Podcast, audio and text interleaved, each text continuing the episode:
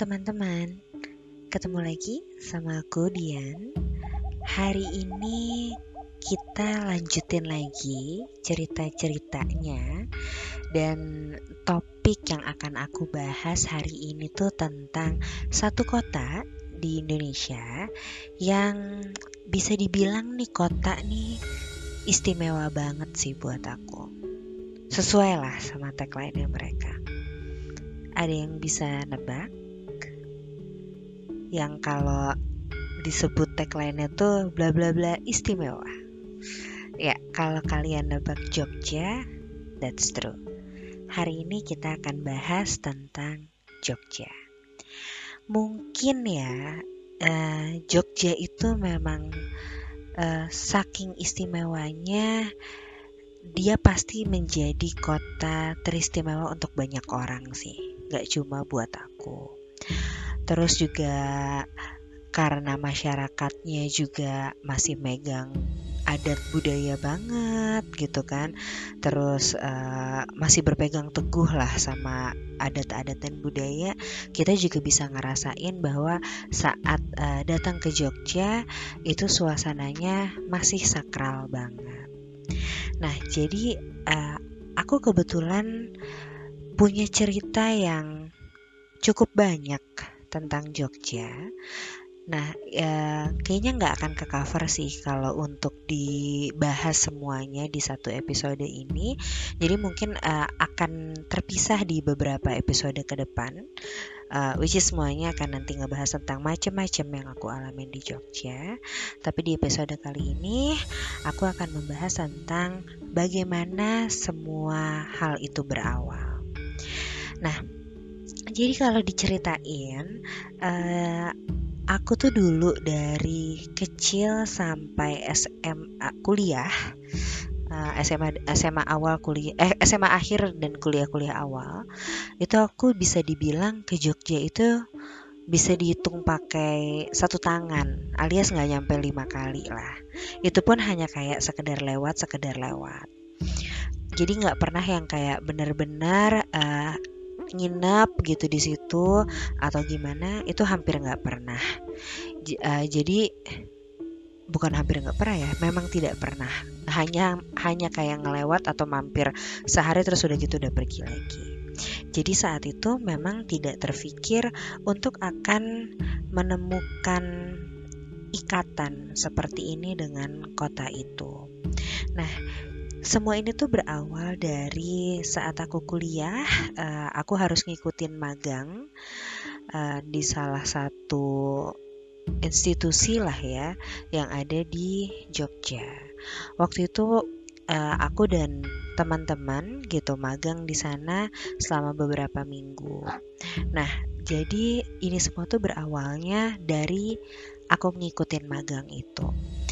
Waktu itu karena magangnya beberapa minggu, kita sempat mikir bahwa kalau nginep di hotel bakalan mahal banget sih. Akhirnya kita memutuskan untuk cari rumah yang bisa kita sewa bareng-bareng.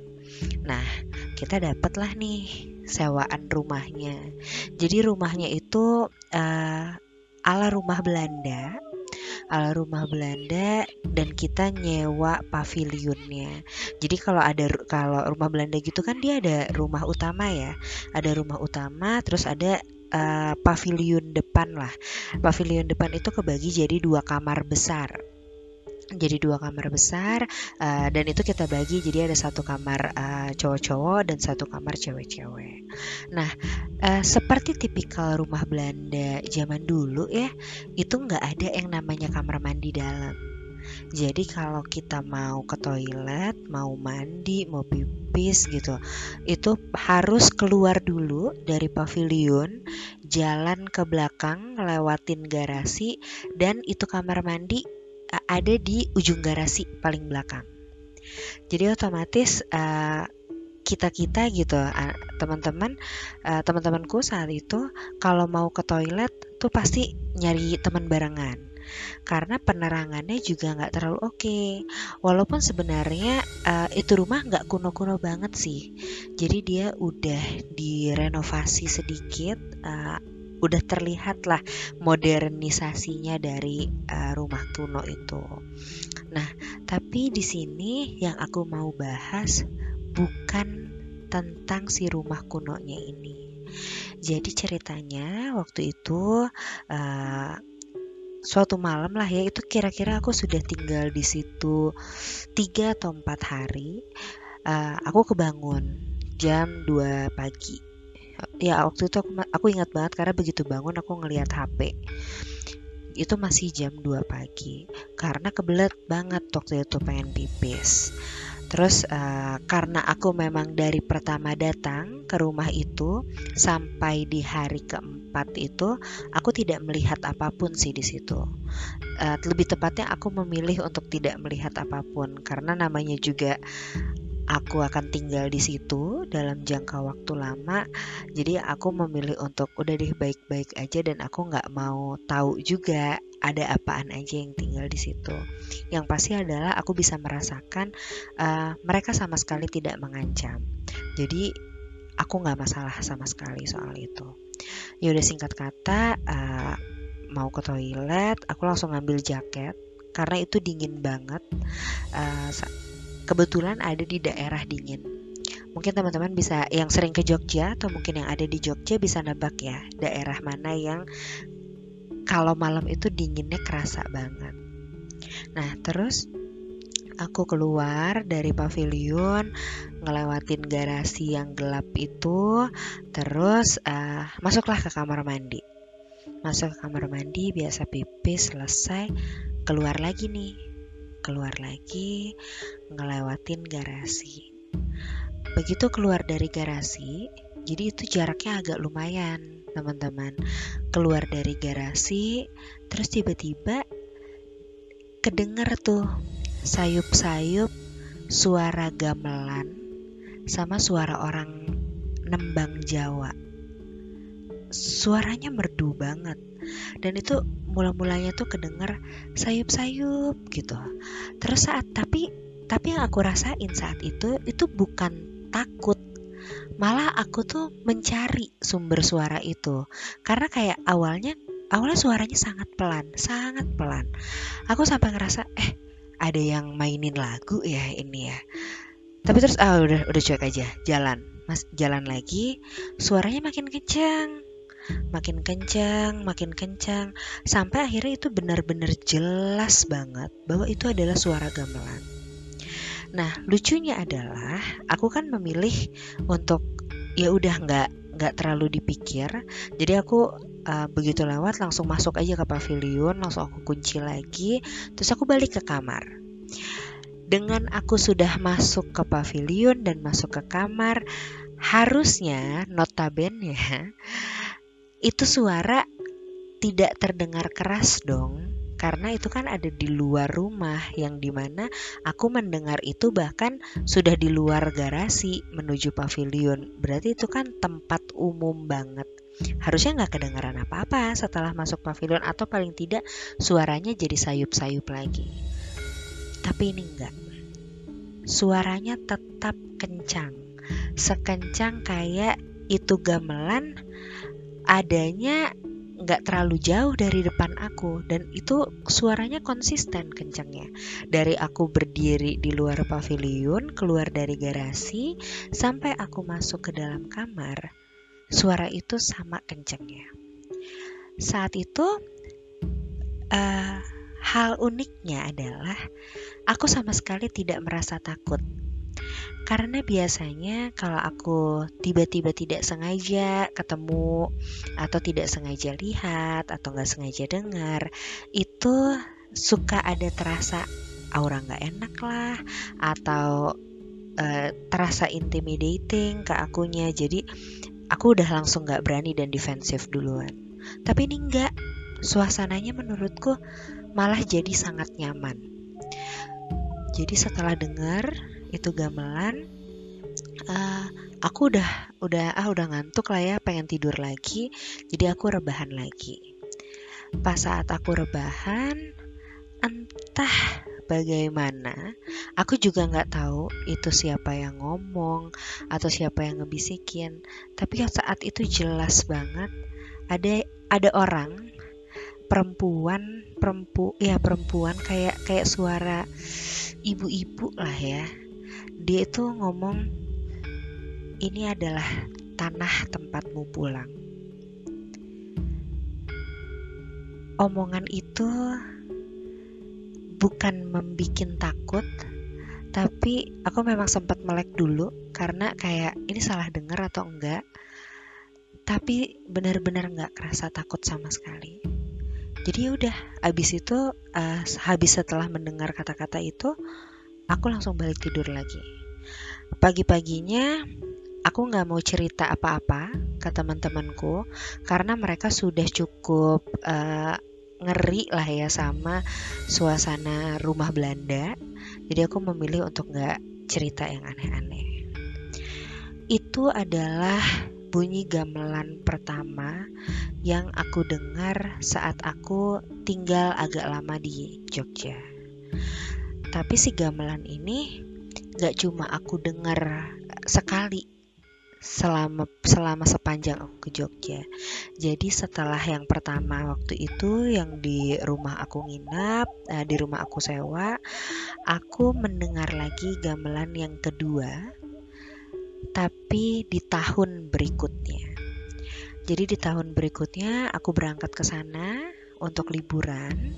Saat itu uh, kita mutusin untuk uh, pergi jalan-jalan lah ke wilayah Gunung Merapi. Boleh aku mention aja karena memang ini sangat umum dan semua orang yang pergi ke sana juga pasti akan melihat ini. Nah, setelah naik ke atas, kalau kita terus menanjak dan kita sampai ke uh, bekas reruntuhan rumahnya almarhum Mbah Marijan, itu di di area situ itu waktu pas aku ke sana, aku nggak tahu sekarang apakah masih ada atau enggak. Tapi saat aku ke sana waktu itu ada satu set uh, gamelan yang ada di situ aku lupa nama gamelannya apa tapi pokoknya memang gamelannya itu dipagerin lah ya di dipasang pagar supaya orang nggak bisa nyentuh langsung tapi kita masih bisa ngelihat dari sisi luar nah uh, saat pertama aku masuk ke area itu jujur aku tidak melihat apa pun sih di situ. Karena memang biasanya kalau aku ke daerah gunung atau ke daerah laut itu aku lebih mengontrol diriku untuk tidak melihat mereka. Karena biasanya uh, power mereka terasa lebih kuat jadi aku lebih memilih untuk tidak sensitif supaya nggak bersinggungan sama mereka. Nah uh, pas sampai di situ uh, yang paling terasa adalah hawa sedih sedih banget. Sedihnya tuh nusuk nusuk ke hati. Tapi aku nggak bisa nangkap uh, sedihnya itu kenapa.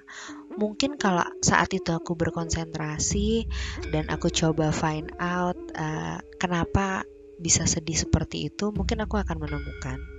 Tapi yang seperti tadi aku bilang aku lebih memilih untuk tidak menggali lebih dalam. Jadi saat aku uh, merasakan sedih yang entahlah kenapa itu, aku dengar itu gamelan yang ada di situ, yang dipagerin, gak ada orang di dalamnya, itu bunyi. Jadi gamelannya main, ada ada lagunya. Nah saat itu uh, aku tanyalah sama teman-temanku kan, uh, itu gamelannya bunyi ya? Atau ada yang pasang CD gamelan atau apa gitu?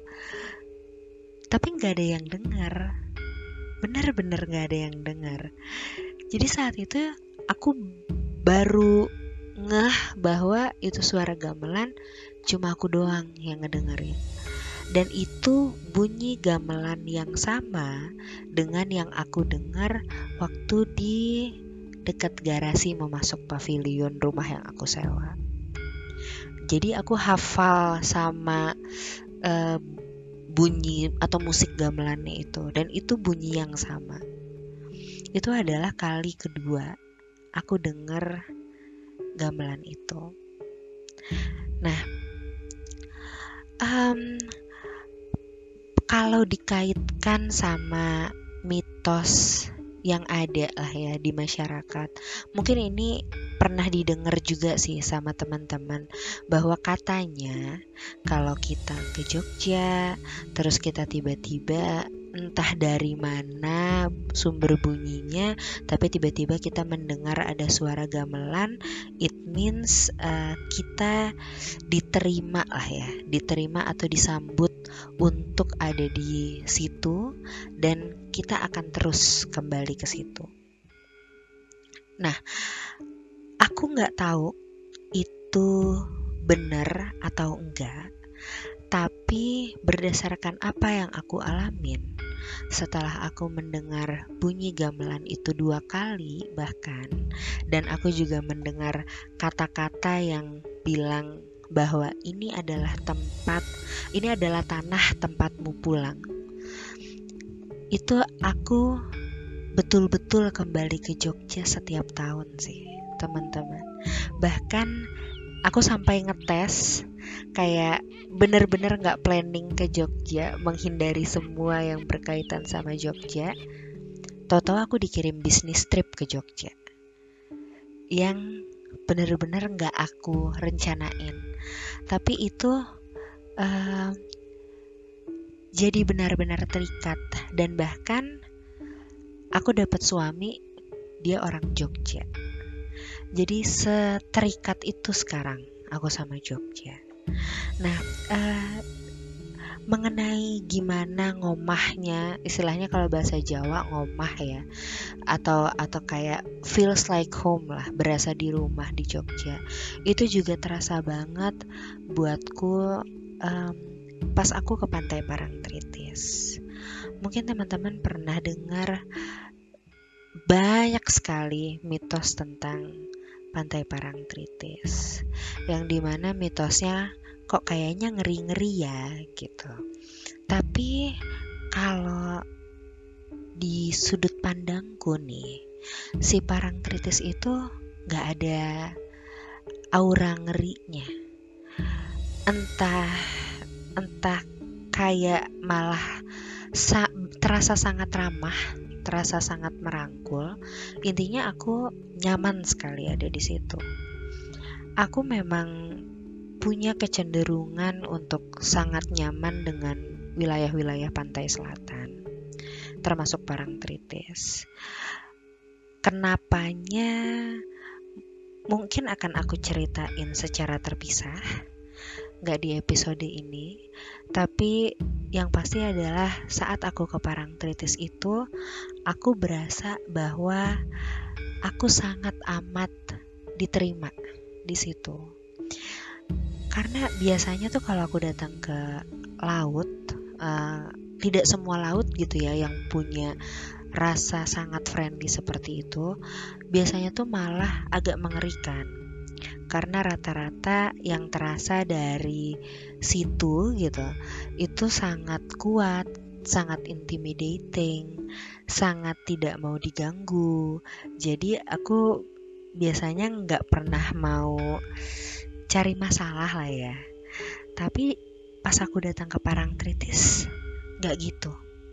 Aku berasanya saat aku ke sana ya aku berasa kayak di rumah nggak ada nggak ada perasaan takut main ke pantainya atau nggak ada perasaan gimana gimana aku berasa kayak ya kayak pulang. Nah sekarang ini uh, semenjak kejadian-kejadian yang aku alamin gitu ya um, aku tuh selalu ngerasa kalau kembali ke Jogja itu aku aku kembali pulang dan dan itu ngebuat aku uh, suka kadang-kadang nggak tahan. Begitu sampai Jogja itu biasanya bahkan masih di bandara. Uh, keluar dari bandara tiba-tiba aku akan lepas sepatu atau lepas sendal terus aku nginjek tanahnya. Nginjek tanahnya dan aku akan berdiri lama banget di yang uh, ya lama banget ya nggak nggak sampai setengah jam juga sih. Mungkin 5 sampai 10 menit berdiri merem sambil lepas sendal sambil ngerasain tanahnya. Karena menurutku yang aku rasain adalah tanah itu nyambut aku banget. Sangat nyambut. Jadi mungkin kalau nanti one day teman-teman lagi kebetulan baru nyampe bandara Jogja terus keluar gitu kan ngelihat ada orang yang lagi lepas sendal sambil uh, berdiri di atas tanah dan diem. Hmm, itu bisa jadi aku sih. Karena kalau gimana ya kalau dibilang aneh aneh tapi itu cara aku berkomunikasi dengan mereka sih. Cara aku mengasih tahu mereka bahwa ini nih aku pulang. Nah, jadi istimewanya Jogja buat aku itu udah terasa seperti rumah. Yang di mana agak aneh teman-teman karena sebenarnya kalau dilihat dari silsilah, aku tuh seharusnya uh, tidak ada keterikatan seperti itu dengan Jogja. Karena uh, papaku tuh berasalnya dari Solo, bukan dari Jogja. Tapi aku feel so honored ternyata aku bisa menemukan satu daerah yang nyamannya kayak ada di pelukan ibu. Dan cuma satu kota itu aja. Dari aku sudah cukup uh, banyak keliling ke beberapa kota di Indonesia, uh, bahkan sampai ke Solo yang harusnya aku lebih uh, terasa friendly atau terasa lebih ngeklik sama aku itu nggak sampai kayak aku dengan Jogja sih. Nah, cerita tentang Jogja ini masih banyak banget. Jadi karena aku ke sana jadinya sering, minimal setahun dua kali tuh aku pasti ke sana, even tuh tidak direncanakan. Itu akan aku ceritain berkala di episode-episode seterusnya. Jadi episode setelah ini mungkin aku akan masih banyak bahas tentang apa aja sih yang aku alamin, apa aja yang aku temuin, apa aja yang kenal sama aku dan yang aku berkenalan dengan mereka di Jogja. So tungguin episode selanjutnya. Terima kasih dan selamat malam.